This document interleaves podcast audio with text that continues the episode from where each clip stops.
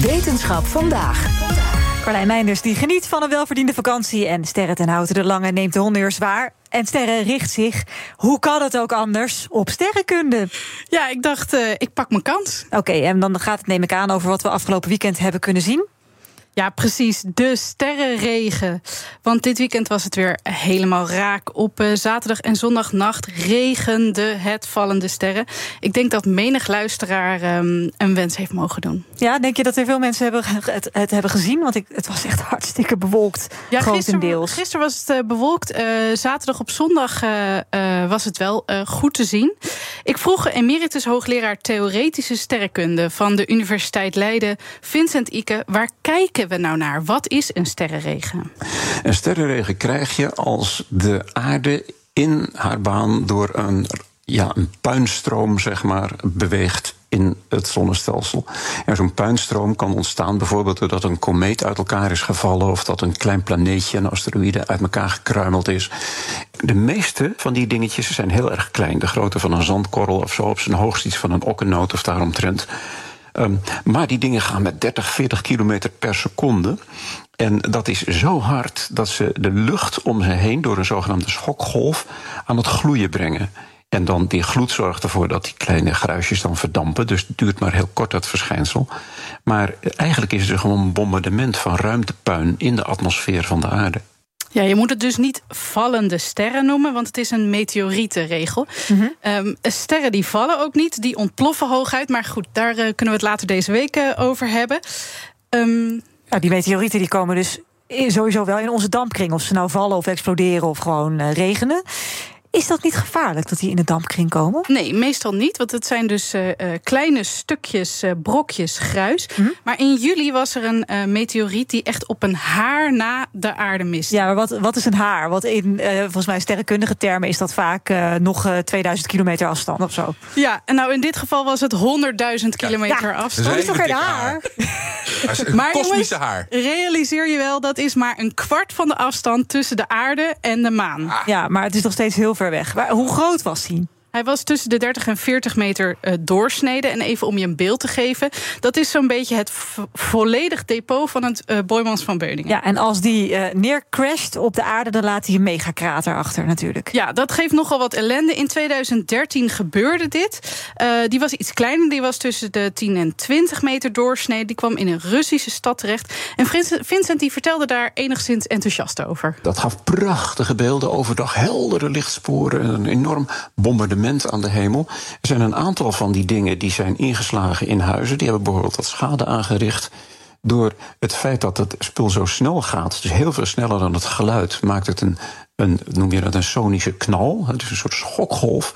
Waardoor nogal wat ruiten gesprongen zijn en mensen zijn verwond geraakt. En als zo'n ding zoals die uh, uh, juist langsgekomen is in juli, uh, nog eens een keertje twee of drie keer groter is, nou, dan zou dat, zeker als het op een grote stad terechtkomt, forse schade kunnen aanrichten. Heel enthousiast, inderdaad. Ja, ja steeds prachtige brokken. Uh, uh, gelukkig komt dit dus maar één keer in de 50 à 100 jaar voor.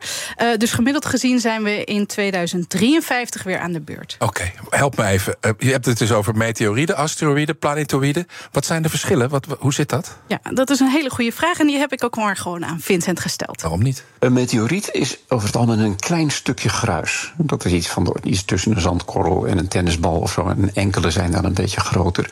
Die op een onregelmatige plek uh, in ons zonnestelsel staan.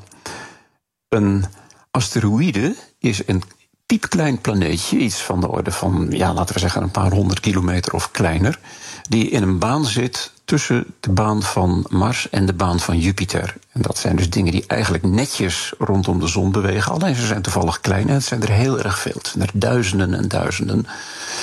En een um, planetoïde, dat is dan eigenlijk weer precies hetzelfde, maar dan een beetje groter. Hm. Ja, dus in de sterrenkunde nemen ze stappen kleiner dan tennisbal. Ja. Tennisbal 100 kilometer uh, doorsnee en groter dan 100 kilometer doorsnee. En uh, van die eerste twee categorieën, dus alles kleiner dan 100 kilometer doorsnee, dat zien we niet aankomen. Oh. Oh. Dat zien we niet aankomen. We hebben de beste telescopen die echt van de verste sterrenstelsels en zwarte gaten prachtige foto's maken. Maar dit zien we niet aankomen. Nee, het is gewoon simpelweg te klein. Er komt een flatgebouw op ons af en we, en we hebben gewoon geen idee. Ik vroeg aan Vincent hoe dat kan. Het is heel moeilijk om die kleine voorwerpen te vinden. Ze zijn over het algemeen vrij donker. Je moet je voorstellen ongeveer het grijs van een, van een ouderwetse schoolbord. Zo donker is het oppervlak van zo'n zo'n object.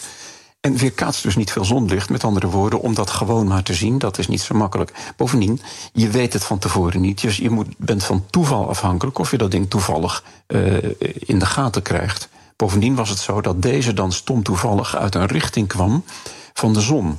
Dus het ding was eigenlijk alleen overdag zichtbaar en dan nog in de, de, richting van de zon. Om dat waar te nemen, dat is buitengewoon lastig. Dus deze heeft ons verrast. Lekker geruststellend dit allemaal. Ja, fijn hè? Ja. En, en eh, stel, zo'n ding zeilt dus wel op de, op de aarde af... en gaat niet met 100.000 kilometer aan ons voorbij, maar echt op ons af. Kan je het dan uit de lucht schieten? Schieten, nee. Uh, daar hebben ze een andere methode voor. En ook dat heb ik aan Vincent gevraagd. De kleintjes, dat wil dus zeggen dingen van 100 meter of kleiner... is bijna niet mogelijk om die te onderscheppen. Um, de echte hele grote, dus dingen van de orde van, van enkele tientallen kilometers of daaromtrent... die hebben we bijna allemaal behoorlijk in kaart gebracht. En als er eentje daarvan op een botsingsbaan met de aarde zou zitten... dan zouden we dat waarschijnlijk een aantal jaren van tevoren weten. En het enige remedie die je dan hebt is om daar een uh, sonde op te laten landen met een raketmotor en dat ding een duwtje te geven. Daar is niet heel veel zet voor, de zetjes voor nodig, maar om zo'n op zo'n klein ding te landen, dat is echt geen sinecure. Dat is technisch buitengewoon ingewikkeld, maar het kan wel. Ja, nogmaals, dit komt één keer in de 50 tot 100 jaar voor. Ja, en dan is het een soort jeu de boele, hè? Tik, dat je net even zo tak en dan zo. Als het je lukt om hem op, op, op hem te landen. Ja, dat dan wel weer. Ik dacht wel altijd, sterren, vallende sterren, sterrenregens... Dat is toch altijd heel mooi, is heel romantisch, maar eigenlijk is het gewoon één groot drama wat zich daar afspeelt. Ja, ja, als je gewoon niet nadenkt over wat er werkelijk gebeurt, dan is het hartstikke mooi. En op 14 december is de volgende meteorietenregen. Oh, dat is mooi, want dan is het hartstikke donker, winter. Alleen niet zo prettig om buiten te zitten met een telescoop. Maar... gewoon lekker dikke warme jas aan, lekker tegen elkaar aankruipen en genieten van de sterrenregen. Dankjewel, Sterren ten Auto, de Lange. Ook Liesbeth Staats vind je in de BNR-app. Ja, heel handig. Luister live naar Kees en mij tijdens de Daily Move. Dan blijf je ook gelijk op de hoogte van breaking news en het laatste zakelijke nieuws. En daar vind je ook alle BNR-podcasts, waaronder de Perestrooikast. Download nu de gratis BNR-app en blijf scherp.